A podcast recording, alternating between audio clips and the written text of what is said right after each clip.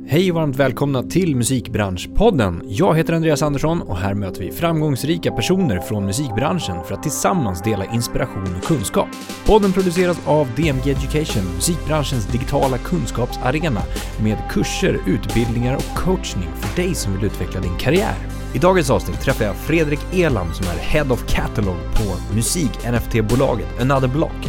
Vi pratar om fenomenet NFT, dess användningsområden inom musik, vilket såklart inte bara handlar om digitala konstverk. Det svenskgrundade företaget Another Block skapar en marknadsplats där den som äger rättigheterna till en inspelning kan sälja denna i form av en NFT. Vi pratar om hur man kan tänka kring just NFT och att man inte behöver ha koll på all teknik bakom utan snarare se till användningsområdena och hur dessa kan skapa värde till exempel. Det här och såklart mycket mer. Vi kör igång! Fredrik Elam, välkommen till Musikbranschpodden. Tack så mycket. Allt bra? Det är bra. Ja, mm. härligt. En regnigt Stockholm mm. och eh, vi sitter i en eh, mysig studio och ska spela in massa härligt snack om vad ni gör för någonting. Mm. Och, och uh, eh, NFTs ja. framförallt. Rättigheter kommer vi lite in på. Mm. Uh, eller streamingrättigheter snarare va? Exakt. Ja, Coolt, vi ska prata mer om det. Uh, jättekul att ha dig här. Tack så mycket. Kul att vara här. Du är ju Head of Head of Catalog. Precis, på nystartade ganska, alltså typ ett år tillbaka eller? Ja, um, idén kläcktes väl för ett och ett halvt år sedan. Ja. Um, men företaget drogs igång på riktigt med en första investeringsrunda i oktober. Mm. Och det är då Another Block? Another Block. Ja. Som hänger ihop, det är inte två ord? Nej. Nej, och då måste vi bara gå lite djupare. Det mm. stavas ju med litet a också. Ja. Eller hur? Mm -hmm. Medvetet? Medvetet, vi tyckte det såg snyggare ut så. Ja, inte ett typo. Nej. Nej. Ibland kan det vara lite så att. Sant. Ja. Vi, eh, det rimmar också rätt bra med webb 3. Det är mycket som är lite så mer avslappnat och eh, low key. Ja, men exakt. Mm. Det är väldigt mycket, mycket små bokstäver. Exakt. Um, I kommunikation i alla mm. fall. Mm. Ja, men det blir väldigt mycket sånt. I även var, alltså andra varumärken har jag sett. Mm. Um, ja men kul, vi ska snacka massa saker. Mm. Um, och uh, jag tänker att vi kan väl börja lite grann och se vem, vem du är. Mm -hmm. Vart du kommer ifrån. Vi pratade musikintresse och att ni, du fortfarande uh, på tisdagar jammar. Mm. Exakt, så jag, har, um, jag är uppvuxen här i Stockholm. Alltid älskat musik. och spelat gitarr, spelat tvärflöjt när jag var yngre. Och sen så hittade jag musikproduktion alltså i FL-studio när jag var typ 15. Och har sedan dess bara älskat det och eh, spelat i band och eh, jag eh, började plugga ekonomi i Lund när jag var 19 mm. och eh, lärde mig mycket där men kände att jag ville jobba närmare musiken. Så jag eh, började praktisera på X5 Music här i Stockholm som ekonomiassistent och eh, trivdes jättebra. Mm. Mm. Och då fick du kombinera lite eh, ekonomi och business med eh, musikbranschen. Exakt. Ja. Mm. Och, och, mm, det var lite mer renodlad liksom, ekonomi där och då? Det var det. Mm. Eh, det var mycket Excel, det var mycket kontrakt, det var mycket mm, avräkningar och se till att artister fick betalt. Mm. Och det tyckte jag var supercoolt att få hjälpa till med det. Um, så du har ju gjort lite alla möjliga olika saker då. Um, sen dess också. Mm -hmm. uh, du har varit där, du var på Co-Write i början. Uh, vi har ju haft Emily och även Mattias och Emil på mm -hmm. podden. Exakt. Uh, kollegor. Mm. Gamla kära kollegor. ja men exakt. Um, och uh, ja, men, om vi säger så här då, backa tillbaka lite grann. Vad tar du med dig från lite olika platser mm. där du har utforskat? Mm. Um, så först och främst X5 då. Um, där tar jag med mig att vad jag än jobbar med som är kopplat till musik fylls med purpose för mig, vilket är, tror jag, vad jag behöver för att göra ett bra jobb. Sedan efter det så gick jag till Telegram Wodad och eh, fick testa på massa olika grejer. Jag fick eh, hjälpa till vid släpp, göra pitchar, eh, beställa vinylskivor. Ehm, Fick eh, räkna på, värdera katalog, försökte aktivera katalog. Jag fick, eh, det häftigaste där var att jag fick projektleda framtagningen av eh, American Boy-remixerna som vi släppte. Så jag fick kontakta massa managers och liksom, eh, ja, drömma om vem jag ville, eller vem jag tyckte skulle göra remixen och försöka få det i mål. Så Mm. det var superhäftigt. Vad, har du något exempel på något du fick i mål då? Ja, eh, det blev två remixer. Ja. Och eh, den ena var av Lost Frequencies. ehm, och den andra var av Brooks. Så ena var lite, båda elektroniska, en lite hårdare, en lite mer chill. Coolt. Mm. Ehm, men, men vi pratade om det lite innan också, att så här, du bara du fick hitta, vad sa du för någonting? Din, din plats? Exakt. Jag eh, har haft inställningen att jag vill pröva runt, eh, testa olika saker på olika bolag för att se vad som känns bäst. Mm. Så att jag eh, hittar där jag trivs bäst och eh, ja, trivs. För att du då kan, som du säger, hitta Mm. det här purpose på något sätt. Exakt. Att det inte är ett jobb bara. Exakt. Mm. Det blir lite både och. Passion, eh, passiondrivet jobb på Mm. något sätt. Men det måste ju göra med, eller det har ju att göra med både själva arbetsuppgifterna, Mhm. alltså vad man gör för någonting, men också själva kulturen i bolaget, Absolut. kollegor, Mm. bolagets värderingar, bolagets visioner. Mm. Ehm, så det är så många delar och därav behöver man ju verkligen testa sig fram. Verkligen. För det kan ju vara väldigt lätt att se en jobbannons eller få presenterat för sig på en jobbintervju vad, vad det handlar om Mm. rent liksom arbetsuppgiftsmässigt. Sant. Eh, men jag tror att många missar att ställa motfrågor Mm. för att kanske hitta redan innan, är det här någonting för mig att satsa på? Mm. Ehm, för att man är så eager att bara få ett jobb så att säga. Just det. Har du tänkt i andra banor? Ehm, absolut. Eh, det du säger med kultur och eh, värderingar är väldigt viktigt också, tycker jag. Eh, jag har haft den stora lyxen att få vara med och forma kultur i de två senaste arbetsplatserna jag varit på. Co-Write och nu Another Block. Så jag har varit med från tidig, eh, ja nästan från start. Och det är väldigt kul att få liksom ta del av vara med och forma kulturen helt enkelt. Och jag vet inte hur jag ska formulera det riktigt. Mm. Men, eh, Ja men jag fattar. men om vi kommer in lite grann på, som vi sa, Another Block. Mm. Du har varit där eh, sen i sen i november. november 2021. Yes. Så lite drygt ett halvår nästan. Ja. Ja. Eh, och du var mm, nummer tre in så att säga. Eh, nummer, det beror på hur man räknar. Eh, nummer fyra. Första anställda kan man säga. Första anställda var det. Mm. Så det var tre grundare. Exakt. Eh, och så du var första anställda då. Mm. Ja, grymt. Och vad, vad, hur kom du in där då? Kan man ju tänka.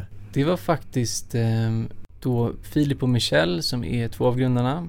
De eh, hör, sökte duktigt folk och eh, hörde av sig till min gamla chef Björn Lindborg på Telegram. Björn hade inte riktigt möjlighet att hjälpa dem just då men pekade i min riktning och tyckte de skulle höra av sig till mig. Mm. Och jag eh, är väldigt tacksam för det för att eh, nu, jag tog möte med dem och, och eh, tyckte det lät superspännande så jag hoppade på. Mm. Grymt. Och vad var det som gjorde att du, du hoppade på då?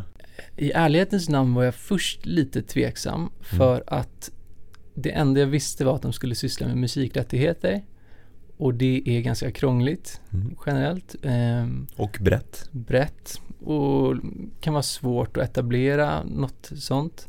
Men först och främst så gillade jag verkligen dem, eh, deras driv, deras passion och dem som personer. Mm. Ehm, och så märkte jag att de ville, men de hade liksom rätt tankesätt, de ville lite em, skapa nya intäktsströmmar för artister, bryta ner barriärer för privatpersoner att liksom kunna investera i musik. Sånt som, eh, ja men jag ser positivt på att vi går mer i den riktningen helt enkelt. Mm. Om vi går in på, vad är det Another Block gör? Vad gör ni för någonting? Ja, ehm, vi sysslar med musikrättigheter på blockchain. Mm. Vi eh, låter vem som helst som äger eh, rätten till royalty, alltså en sorts musikrättighet, ehm, att sälja av delar av framtida pengaströmmar för att få pengar idag och dela med sig av rättigheterna till sina fans och Mm. folk som vill investera i musik helt enkelt. Mm, just det. Och de som då äger de här rättigheterna från början skulle kunna vara Det kan vara en producent, det kan vara en låtskrivare, det kan vara en artist, det kan vara en någon på en label, det kan vara egentligen vem som helst. Någon som har investerat i katalog, någon som har rätten till royalty från en masterinspelning. Just det. Och då är det viktigt att komma ihåg den då. Det är Mm. alltså inspelningen Ja. som vi pratar om. Ja, i, längre fram så vill vi självklart öppna även för publishing, men av olika anledningar så väljer vi att börja med master. Just det, just det. Och hur det här, eh, för ni pratar ju om att ni är ett, ett blockchain-baserat bolag men jobbar med NFTs. Yes. Eh, hur kommer NFT in i bilden här då, kopplat till rättigheterna? Ja, ehm, NFTs är egentligen det eh, tekniken som möjliggör vår affärsmodell på många sätt eftersom att det är ett digitalt bevis på ägandeskap ehm, och det är, finns många fördelar med den tekniken. Till exempel att man kan eh, jag vet inte om vi ska bli för tekniska för snabbt, men eh, till NFT så kan man knyta smarta kontrakt kallas det. Exakt. Och där kan man ehm, bestämma till exempel, eller reglera så att vid varje framtida transaktion som sker av NFTn så kommer ordinarie mm, rättighetsägaren som sålde av få betalt. Mm. Och det har liksom inte funnits tidigare på det sättet och vi tycker det är så klockrent för det här. Mm. Men allt det här som du säger, ju- vi har ju pratat lite grann om, om det sedan tidigare och i princip de flesta har någon aning om liksom vad NFT är för någonting. Eh, eller en uppfattning om vad det är. Och oftast har man ju digitala konstverk eftersom det var liksom grunden till det kan man väl nästan säga. Ja, absolut. Eh, och det är väl nu det har börjat bubbla lite grann mer kring vad skulle det kunna bli mer? Alltså användningsområdena kring det. Exakt. Och att det inte är bara konst. Ja. Utan att det är en teknik också. Mm. Ehm, men um, okej, så affärsmodellen som vi pratar om då är eh, att egentligen öppna upp för fler att ta del av eh, intäkter från, från eh, Ja, exakt. Och känna delägarskap i grym musik. Ja, Ehm, som tidigare har, det har varit lite liksom inträdesbarriärer kan man säga. Det har, Mm. det har varit så här stora katalogköp av till exempel Bob Dylans katalog, Bruce Springsteen, nu för någon vecka sedan Justin Timberlake. Och ehm, det är ju liksom stora investmentbolag som är framförallt de som tar del av de här transaktionerna. mm, Och eh, med blockchain och NFTs och another block så vill vi demokratisera det och liksom göra det möjligt för vem som helst att eh, ja, få vara med i de transaktionerna. mm. Och rent konkret då, din eh, roll, Head of Catalog, Yes. vad innebär det? Ehm, I en startup så får man ju ha många hattar. Mm, exakt. det, det be- betyder inte bara det den syftar på kanske. Men just Head of Catalog syftar väl mest till att eh, jag eh, får estimera låtvärderingar. Räkna ut hur mycket en, alltså en låt har streamat och hur mycket det genererar. Och sen kika på vad är en rimlig värdering att sätta på det här. Sätta priset på den här låten helt enkelt. Mm, När man har styckat upp den. mm, Ehm, även eh, när ska vi släppa dem och ehm, vad för eh, musik är intressant att, eh, att titta på. mm. Det, Va, va, det, det låter ju komplicerat. Du måste ju ha vissa liksom eh, verktyg eller mätpunkter eller liknande för att estimera det här då. Mhm. Eh, jag förstår att du kan inte gå in i detalj på det här och nu men, men hur generellt, hur gör man för att titta på en, en låt och hur mycket den ska värderas till? Mhm. Ehm, det lättaste är ju om en låt har historik. Mm. Eh, för då kan man ju troligtvis, det är lättare att förutspå hur den kommer prestera i framtiden. Ehm, ju nyare den är, desto svårare är det och desto högre risk är det, blir den investeringen helt enkelt. Ehm, så det man gör är helt enkelt att det finns olika sätt att göra det, men det enklaste sättet är att kolla hur mycket eh, royalties den genererar under ett år och så multiplicerar man det med eh, ja, det man tycker låter rimligt. Så det kanske i katalogköp idag kan vara allt mellan 7 gånger årets eh, intäkter till 30 gånger årets intäkter. Mm. Beroende på genre, låt, eh, streaminghistorik och konsumtionsmönster. Mm. Eh, sen går ju streaming uppåt ständigt så att eh, ja, det finns många faktorer att ta, ta i beaktning. Och vi tar faktiskt hjälp av några grymma, ett grymt bolag som heter Doper som kommer hjälpa oss med just eh, estimering och prognos. Just det. Så vi har mer, eh, mer kött på benen. Mm. Jag tänker just på Co-Write som vi pratade om. Mhm. Är lite liknande. Mm. Eh, vad skiljer sig? Ehm, det finns eh, likheter, absolut. Eh, Co-Write skulle jag säga är mer av en crowdfundingmodell crowdfunding-modell som ersätter en label, ett labelförskott. Ehm, där man kan investera i nya up and coming artister, men även stora. Men det är fokus på ny musik. Ehm, jag älskar det de gör också. Ehm, det vi håller på med är för oss är det mer fördelaktigt om musiken som vi, eller musiken som säljs på vår plattform har historik Mm. för att då är det lättare att sätta en eh, värdering på den som stämmer överens med verkligheten så att säga. Mm. Eh, en helt ny låt kan vara svårt att av, veta hur den kommer gå. Men om det är en låt som har streamat bra i tio år så är det lätt att se vart den kommer fortsätta. Mm. Mm. Hur skiljer vi oss mer? Vi agerar exklusivt på blockchain eh, och säljer bara NFTs. Vi knyter utilities till de här NFTsen och eh, bjuder in till olika sorters communities, låter artister eh, The sky's the limit vad, när det kommer till utilities, vad man kan göra. Ska vi stanna där bara och Ja. prata om vad utilities är? För den som Absolut. inte vet. Eh, så utilities är någonting man kan knyta till NFTs. Ehm, de kanske mest kända NFTsen heter eh, Bored Apes? Board Ape Yacht Club. Heter de. Precis. Ja, eller Basie, jag vet inte hur man uttalar det. Ehm, och det är, då är det dels ett konstverk på en apa ehm, som man köper. Men det som ger NFTn det faktiska värdet är mer det som kommer till. Och det är liksom inbjudan, invites till exklusiva fester. Och eftersom att det är många kändisar som äger de här NFTsen och går på de festerna då så är det många som vill vara där och då blir efterfrågan hög helt enkelt. Priset går upp. Exakt. Så det är ett exempel på en utility. Ehm, en vanlig ehm, form är också att man blir inbjuden till Discord eh, och får diskutera och umgås med de andra som håller samma NFT. Man kan göra vad som helst Mm. egentligen. Och då Discord för de som inte vet det. Vi har nämnt det tidigare i podden också. Men, men det är Det är, ehm, vad ska man säga, ett anonymt Skype typ. Eh, som är, används mycket för att organisera grupper och chatta och eh, ja, för de som jobbar eh, med Slack så påminner det mycket om det fast lite mer anonymt. mm, Just det, så du som använder det är anonym. Ja. Mm. Man kan ju såklart välja att använda sitt eget namn men det är få som gör. Mm.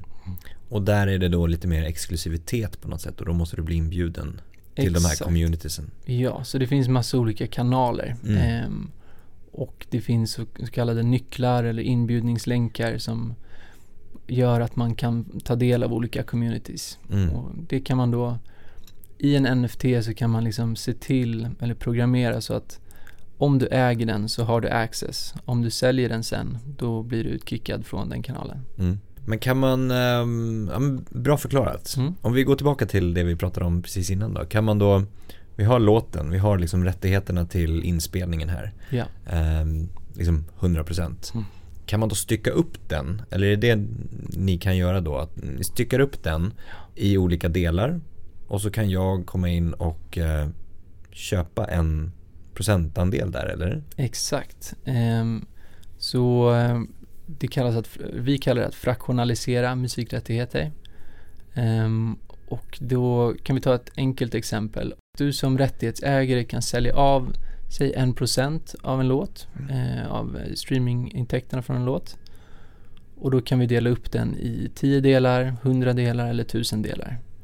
Och så blir varje del då en NFT Mm, med rätt till royalty. Mm. Och sen så kommer vi se till så att det automatiskt eh, royaltybetalningarna som kommer in genom oss eller till vår plattform fördelas ut automatiskt till respektive NFT-ägare. Just det. Och direkt när utbetalning sker i princip eller? Så fort vi eh, får pengarna. Ja, precis. Och då är det, är det upp till rättighetshavaren att bestämma de här utilities? Det beror lite på liksom, säg att det är en eh, artist som eh, säljer av. Då kan ju de till exempel eh, ha, erbjuda en utility som är att om du håller NFTn så får du komma på mina spelningar. Mm. Eh, om du är producent så kan du ha en utility kanske en gång i månaden så har jag en eh, Ask Me Anything eller Q&A på i Discord där Mm. ni får ställa produ- produktionsrelaterade frågor. Det kan vara ja, vad som helst Mm. egentligen. Beroende på vem du är, vad du vill och eh, mm. Mm. Alltså det är väldigt spännande. Liksom, jag tror att många kan tycka att det är komplicerat. Mm. Vi har pratat om det förut också, men att det är liksom tekniskt och så. Men, men försök att se bortom det tekniska aspekten och försök att inte ställa frågan till er själva hur fungerar det? För att det fungerar. Mm. Alltså det är tekniken bakom behöver inte du ha koll på eh, som användare eller liknande. Exakt. Ehm, jag tyckte också det var väldigt eh, överväldigande mycket ny info när jag började. Mm. Ehm, men man behöver liksom inte djupdyka i det tek- tekniska biten som du säger utan man kan istället se till vad möjliggör det och vad, eh, vad kan man göra med den här tekniken som inte hade gått tidigare. Ja men exakt. Ja, vi kan väl fortsätta prata lite mer om det tekniska, eller liksom hur det fungerar. Mm. Eh, vi ska ju notera det att, att ni, ni ehm, har ju inte släppt plattformen helt Nej. än så länge. Det här med om vi tittar lite grann på då um, en låt till exempel som har skapats nu då. Eh, så kan det ju finnas väldigt många olika rättighetshavare Mhm. eh, som branschen ser ut Ja. nu. Ehm, hur behöver, om jag har rättigheterna till en, en procentandel av, av inspelningen då, en procent Mm. säger vi igen. Behöver jag få godkännande av de andra 99 procenten? Eller kan jag sälja min då?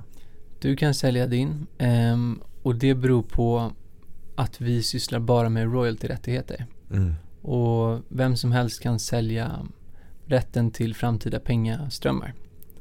Så att oavsett om du äger 1% eller 50% eller 100% om du, ja, vad du än har för roll i, i produktionen så att säga så kan du sälja av. Så då blir man inte knuten till att liksom stämma av Nej, på samma sätt som med eh, eh, ja, men upphovsrätten till exempel. exakt. Mm. Och det här har vi valt framförallt för att det blir lättast så, lättast att förstå och eh, vi tar ingen kreativ kontroll från artisterna. Den behåller de helt själva, Mm. alltså rättighetsägarna. Det är bara rätten till intäkter. Och, och då har vi pratat om den sidan lite grann, men den andra sidan, användarsidan eller de som är intresserade då. Mhm. Eh, om jag är ett musikfan och tycker att det skulle vara väldigt spännande att ja, men både tjäna pengar på musik, Mm.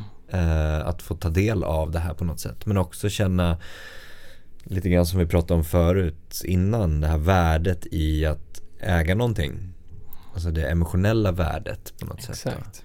Ehm, Då är det liksom en, en slags plattform som jag kan gå in och köpa då eller? Ehm, det är tanken längre fram. Ehm, till en början så kommer vi köra separata släpp så att säga. Marknadsföra dem och eh, bygga hype kring dem. Så det kanske blir varannan, var tredje vecka till, Mm. till en början. För att se att allting funkar och att ja, allting går som det ska. Ehm, sen längre fram när det eh, ackumuleras ett gäng och eh, det finns en större volym Ehm, Då kommer vi öppna upp och skapa mer av en marknadsplats i tanken. Just det. Sen efter varje släpp så eh, lever ju NFTsen vidare liksom och de kan vi begränsar inte dem till vår plattform utan du kan köpa dem hos oss sen sälja, sälja vidare det till någon annan på, genom OpenSea till exempel som är en stor marknadsplats för, för NFTs. Okej, okay. men hur fungerar det då? Att, att då är det, då, då, ni är liksom förmedlaren? Exakt, vi säga. förmedlar en tjänst som är en möjlighet att sälja av rättigheter och eh, så bygger vi mycket aktivitet runt, runt det här. Just det, just det. Ja men det är viktigt att poängtera då att är, ni har inget ägarskap Exakt. i det hela. Nej. Utan man kan sälja vidare. Ja. Bestämmer man, du var inne på den poängen, jag har tänkt på det ganska mycket också, just det här att ja, men om jag äger rättigheterna till en, en inspelning till exempel mm. eh, och så säljer jag vidare den till dig. Eh, det pris, prissättningen mm. bestämmer ni då eller tillsammans med rättighets... Exakt, vi, vi ger tips på vad som är en schysst värdering och så diskuterar vi fram och tillbaka med den som vill sälja av och eh, landar i något som känns vettigt för båda. Just det. Och säg att det, då är det någon som blir intresserad och köper den då. Mm. Det vill säga att du köper rättigheterna till min inspelning. Mm. Mm. Eh, då får jag pengar upfront. Eller Exakt. då får jag pengar för den helt enkelt. Ja.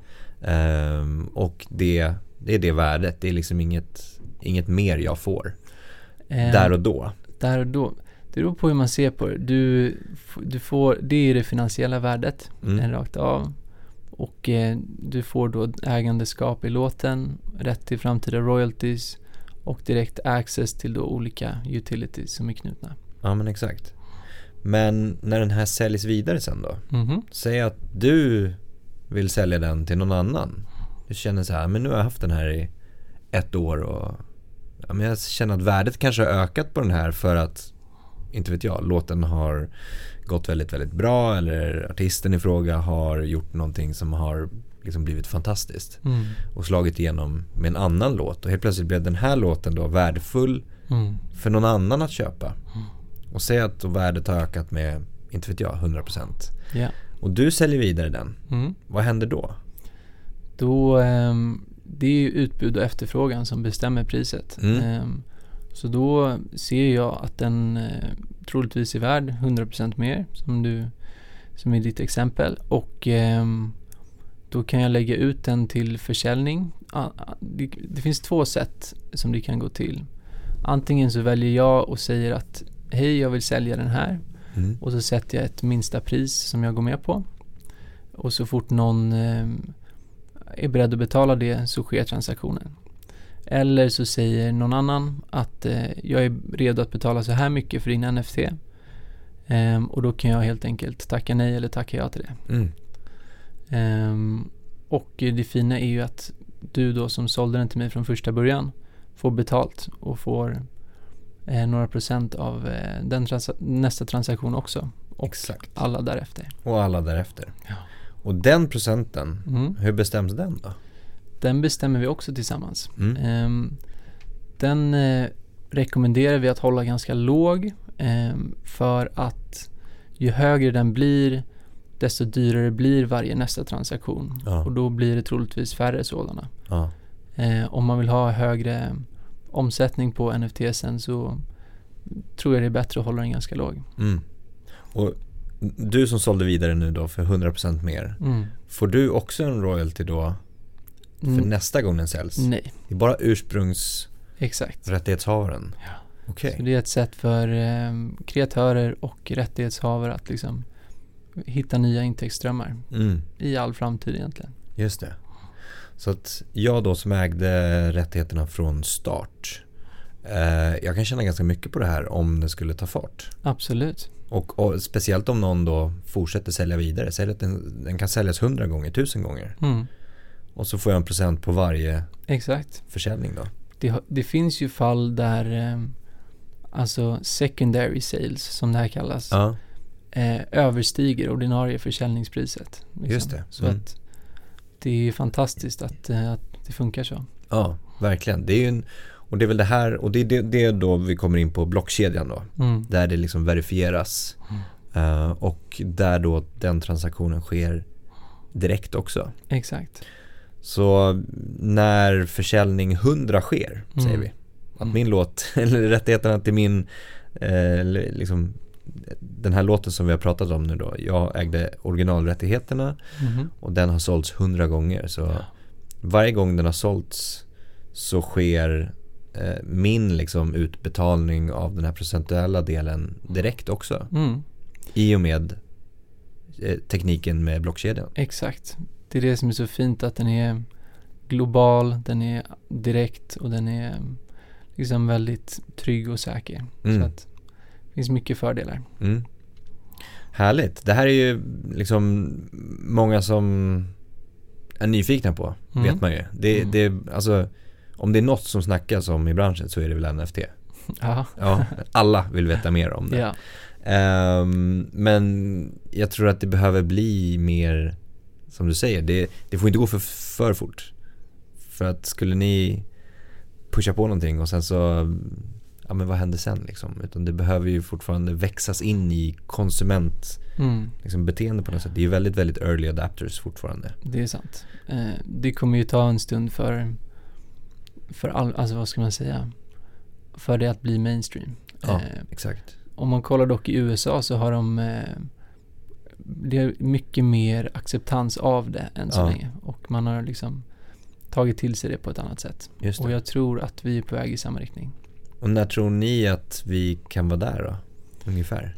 Svårt att säga. Jag tror att man vill se lite exempel på att det funkar. Ja. och eh, känna sig för jag tror det är just den här ovissheten som skrämmer många. Mm. Eh, precis som den skrämde mig när jag läste på mer om det. Liksom. Mm. Eh, och nu ser jag istället möjligheterna. Ja.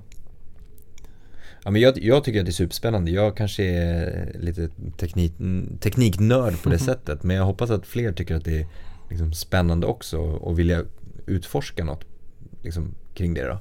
Ehm, En viktig poäng där är ju också att göra det enkelt. Exakt. Eh, för att en inträdesbarriär i nuläget är ju att det kräver lite förkunskap.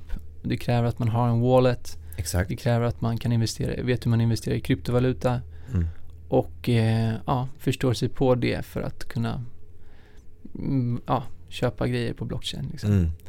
Ehm, sen är det många som har börjat erbjuda kreditkortstransaktioner och liknande. Det vill vi också göra såklart.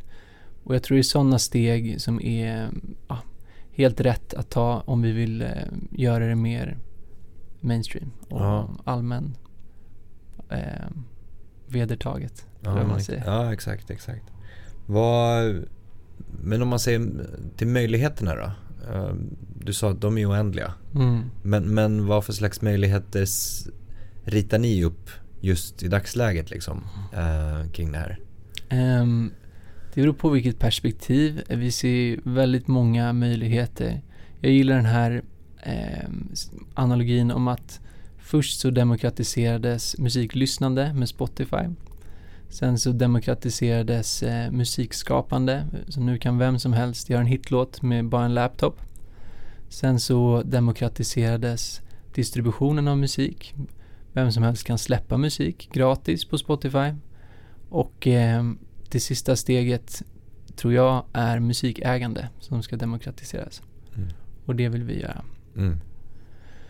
Ehm, så möjligheterna är ju enorma. Jag menar att ehm, sänka barriärer och eh, göra det möjligt för vem som helst att bli delägare i sin favoritlåt. Mm. Som tidigare har varit väldigt svårt. Mm. Mm. Om man tänker på utmaningar och, och hinder framåt då? Du nämnde lite grann just det att vi inte är i mainstream Mm. liksom läge än. Men skulle det Exakt. finnas andra hinder eller utmaningar längs vägen till mainstream? Absolut. Ehm, det, ehm, det är ju väldigt oreglerat i nuläget. Ehm, vilket är för, har fördelar och nackdelar.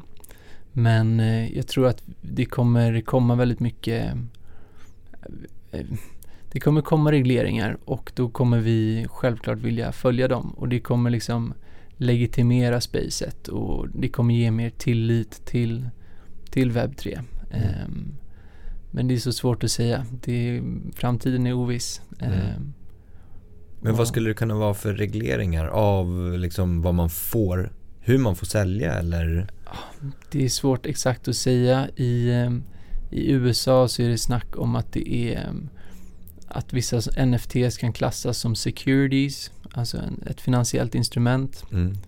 Och då eh, kommer the SEC liksom vilja ge sig in där och tycka till.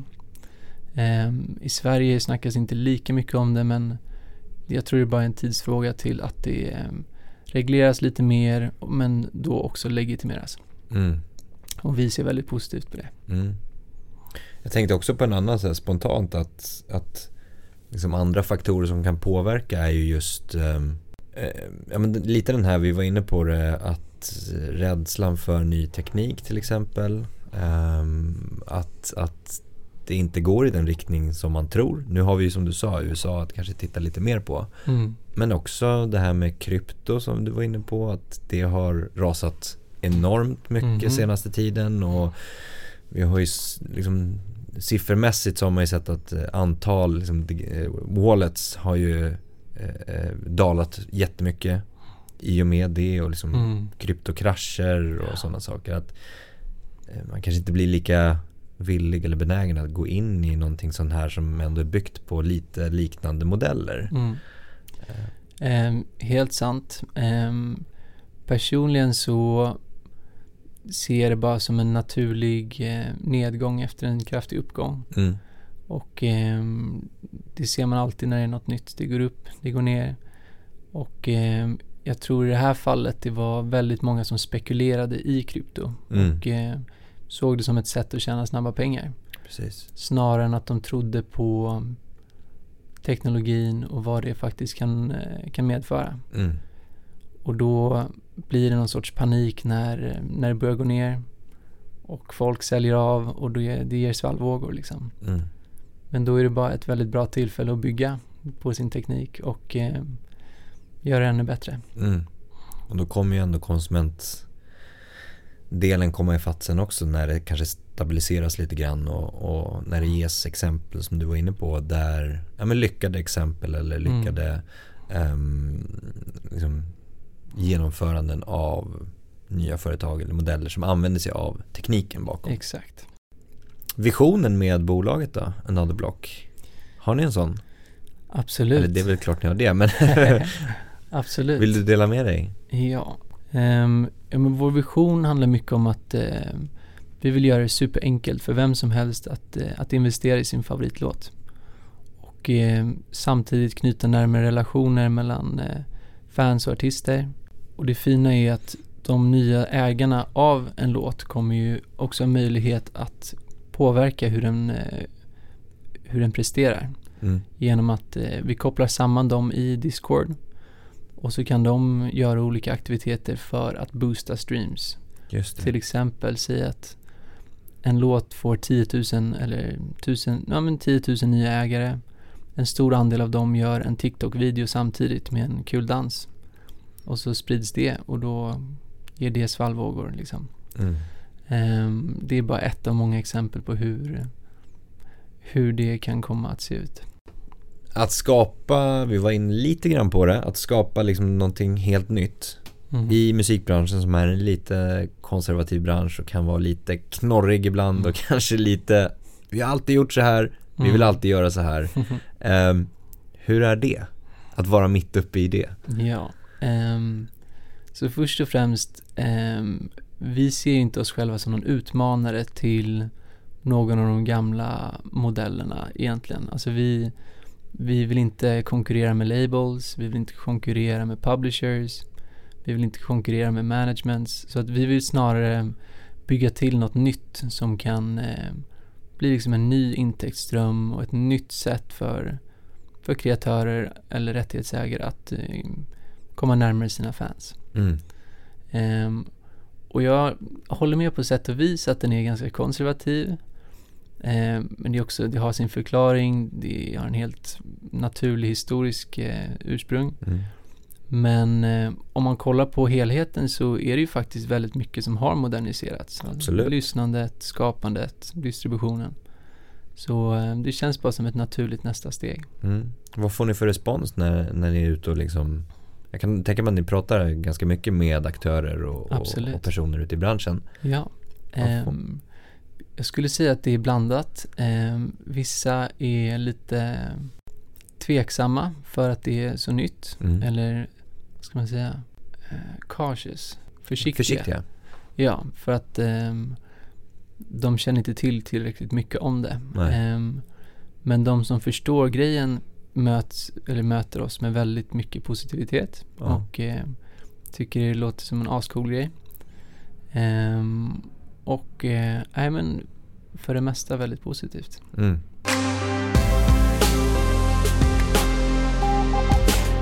Du nämnde ju också det här med uh, att du, när du började i höstas nu då, mm. eh, att det var mycket att ta in. Alltså att, att, lära sig och, och, tekniken bakom och sådär. Hur lång tid har det tagit för dig att liksom gå från, du kanske hade lite koll från början eller? Alltså jag kände ju till bitcoin, ethereum och krypto i, i sin allmänhet. Jag hade hört begreppet NFT från media och eh, vänner eh, som är intresserade. Men jag hade aldrig riktigt själv läst in mig på det. Nej. Så hur, hur lång tid tog det ungefär innan du fick så här, men nu känner jag att jag har bra grepp om det? Um, det är svårt att säga för det känns som att det går lite fram och tillbaka. Det är liksom, man greppar någonting och känner, ah, nu har jag koll på det. Ja. Sen lär man sig något nytt, bara vänta, det fanns ännu mer att lära sig. Ja. Och så är det ju typ alltid när man lär sig något nytt. Så känner jag med musikproduktion också. Det känns som jag vet mindre än vad jag gjorde för tio år sedan, även fast jag vet tusen gånger mer.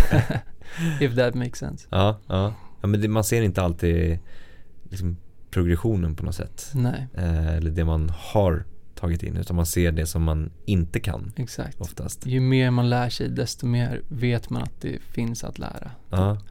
Um, men det gick ändå ganska fort att förstå alltså use cases, hur man ska applicera det, hur det på en grundläggande nivå funkar.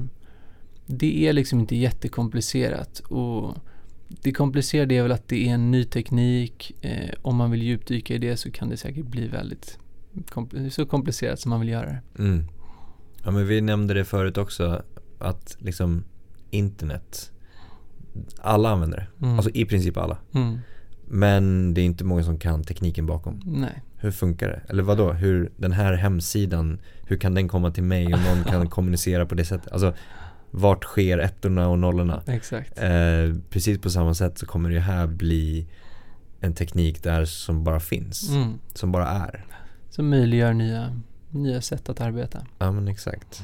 Vad, vad har du haft för liksom go-to-källor att lära dig mer? Såklart att liksom vara inne i det och jobba med det på mm. other block. Men har du haft några andra eh, liksom mm. sidor eller? Mm, jag har ju haft lyxen att jobba nära folk som älskar det och ja. eh, har djupdykt i det. Så att och dess, så jag har mest vänt mig till dem om jag har haft funderingar. Mm. Eh, jag har tyvärr inget tips på en bra källa men eh, jag ska se om jag hittar och så skickar jag. Ja, exakt. Vi får lägga till det som en länk i, i podden sådär. Uh, men, då, men då handlar det ju, man kan fortfarande ta inspiration därifrån att, att det finns ju, oftast känner man någon som känner någon som har lite koll. Exakt. Börja där. Ja. Och kanske liksom ta en kaffe eller mm. vara nyfiken på att, men fan hur funkar det? Mm. Eller lyssna på den här podden. Mm. Kan också vara bra. Jag hade liksom ingen koll alls när, när det där NFT kom. Mm. Eh, vilket är fortfarande ganska, liksom, ganska nyligen. Mm. Är det, var det lite drygt ett år sedan, alltså var det våren 2021 som det började poppa upp mer och mer? Det var då det eh, skedde en stor ökning av NFT-transaktioner, absolut. Och det blev en snackis. Eller hur? Men, eh, Kings of Leon sålde ju en NFT för några år sedan redan. Mm. Eh, och jag tror den första NFTn såldes typ, ah, nu minns jag inte exakt, det kan vara helt fel, men 2014. Alltså Oj, att det är en teknik som har funnits länge ah. men man har inte riktigt fattat hur man ska använda den typ. Nej, nej. Och inte allmänheten heller. Nej, Nej men det, för jag kommer ihåg det där att när det kom och det var så här, vad, het, vad stod det för? Och man, man försökte återförklara någon gång så här, NFT det står för non, någonting, någonting token eller vadå, vad betyder det liksom?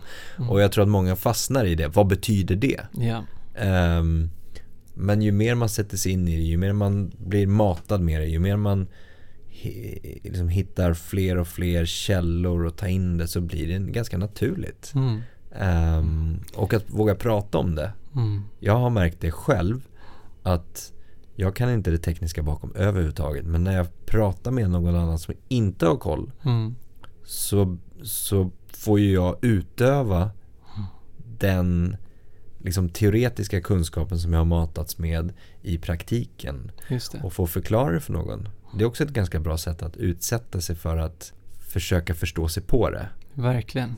På, så, det är på samma sätt har jag lärt mig väldigt mycket också. Ja, Att man tvingas bryta ner det ehm, och göra det lättförståeligt för, för andra. ja men verkligen. F- finns det liksom några andra slags ehm, liksom exempel på det här, inte kanske i Sverige men kanske ute i världen där man knyter NFTs till antingen rättigheter eller andra liksom musikrelaterade saker. Absolut. Ehm, det finns många projekt som har dragit igång senaste året framförallt. Ehm, den största, eller den mest, som påminner mest om vår modell eh, heter Royal och finns i USA.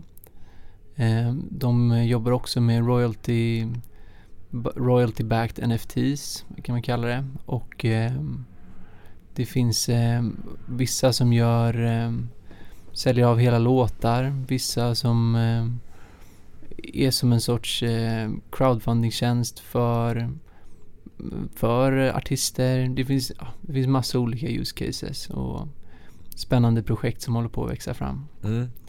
Jag kom på en sak jag ville nämna i förra frågan. Mm. Ehm, jag gillar det här tankesättet att man behöver inte förstå exakt vad en NFT, vad ordet NFT betyder, utan det är precis, jag gillar analogin att tänka som en aktie ungefär. Mm. Alla vet vad en aktie är, många investerar i det, men man förstår sig inte heller på tekniken bakom, utan man säger inte SQL bara för att det är en aktiedatabas som möjliggör en aktie, utan man säger att man köper en del av ett bolag. Mm.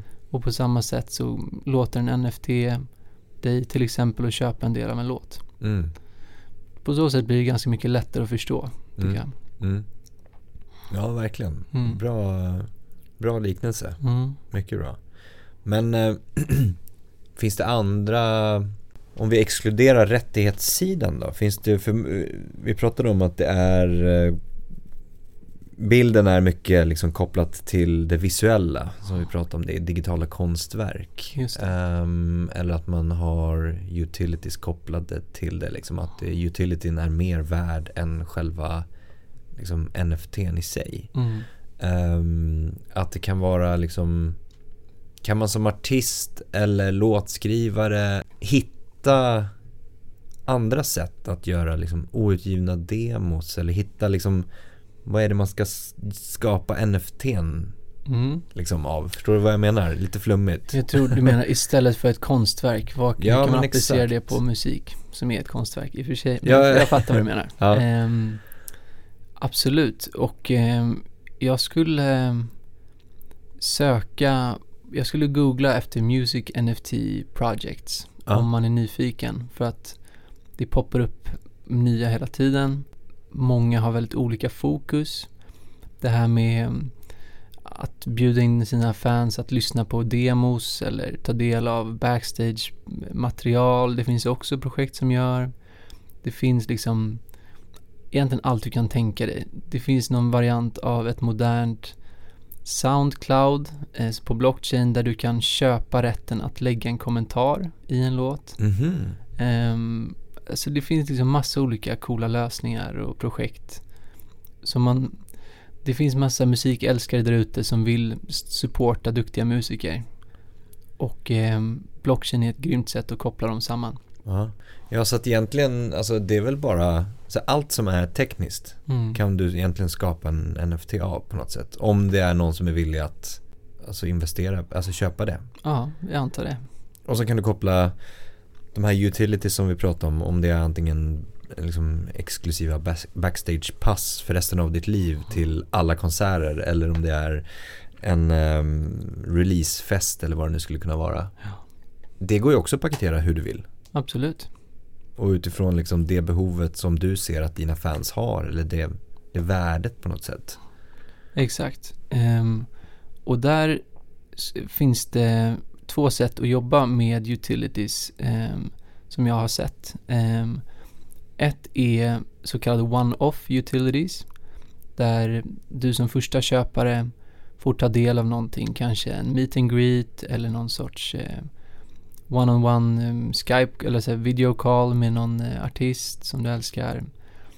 Eller något sånt. Men sen när du sen säljer vidare NFTn så är ju det här förbrukat. Ja, exakt. Och då går ju värdet ner på NFTn. Mm. Så det är lite mer av en kortlivad uh, utility. Mm. Sen finns det ju sådana här som du tog upp som exempel, uh, Lifetime Backstage Pass till exempel. Det är någonting som du kan sälja vidare. Så att nästa NFT-ägare kan ta del av det också. Just det. Och det är där jag tycker det är roligast att fokusera. Så att det blir lite, mm, ja men längre liv på dem. Ja, ja men exakt. Och där har du ju bara fantasin att, som begränsning i princip. Verkligen. Och jag tror inte vi har eh, alltså, sett eller upptäckt allt som man kan göra. Utan det kommer, det tog lång tid innan vi visste vad vi skulle använda internet till. Ja. Och på samma sätt så kommer det ta en stund tills vi fattar vad, vad vi ska använda det här till. Mm. Ja men exakt. Mm. Men om man nu är artist, man känner att så här, ah, fan jag är också, jag vill, jag vill jobba med NFTs. Mhm. Eh, men man har ingen aning om vart man ska börja någonstans. Mm. Vart skulle du säga, vad är tipset till artister, kreatörer? Ska man gå ut och leta efter det? Mm. Eller ska man vara lite mer avvaktande och se hur det utvecklas? Det är upp till dig själv. Jag eh, personligen tycker det här spacet är väldigt spännande och eh, men förstår också osäkerheten kring det när det är så när det känns så nytt och svårbegripligt.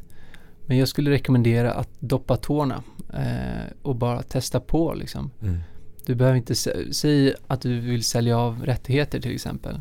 Du behöver inte sälja av en stor del av låten, du kan sälja av en procent. Just det, även om du äger resten av 99% av det. Exakt. För att prova. Eh, Så, eh, eller om du hittar något annat spännande projekt, liksom testa Mm. och se vad det ger. Se hur det känns. Mm. Och sen så kan du djupdyka senare om det känns bra. Men i grunden är det ju som du säger efterfrågan Mm, som styr absolut. på något sätt. Att, att finns det en efterfrågan, då, det är väl där du måste själv utvärdera efter du har testat på också kanske. Vad är, alltså min målgrupp idag, Mm, är de benägna att vilja köpa just det. eh, liksom en, en, en del av en rättighet? Mm, Eller är min målgrupp inte alls där än?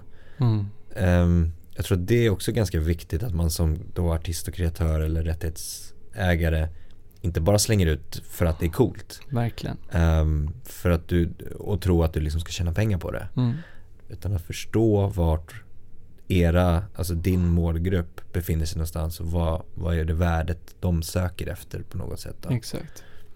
Så hitta, leta upp projekt som, eh, som vibar med din stil, alltså din Mm. musikstil. Ehm, se vad som har gjorts tidigare, vad som funkar. Det som har gått bäst är framförallt EDM och hiphop än så länge. För att det är ungefär en liknande målgrupp av de som också är intresserade av blockchain och, och har kryptovaluta. Mm. Ehm, men allt, alltså, allt möjligt har skett och ehm, det finns liksom något för alla. Ja men spännande. Det här eh, ser vi fram emot att följa. Eh, och nu eh, jobbar ni ju järnet då för att eh, släppa det här. Exakt. Och skapa liksom plattformen kan jag tänka mig. Mhm. Och när släpps den? Det är inte helt eh, spikat men eh, vi siktar på att lansera direkt efter sommaren. Precis. Efter sommaren 2022 Exakt. blir det då. Så om några månader. Ja. Sjukt spännande. Mhm. Eh, Fredrik, stort tack för jättebra, inspirerande och, och eh, ja, men insiktsfullt eh, samtal. Tack själv Andreas. Superkul att vara här. Jättestort tack för att du har lyssnat på podden idag, det uppskattas verkligen. Kom ihåg att följa, stjärnmarkera, gilla, dela, kommentera för att hjälpa till att sprida kunskapen i musikbranschen.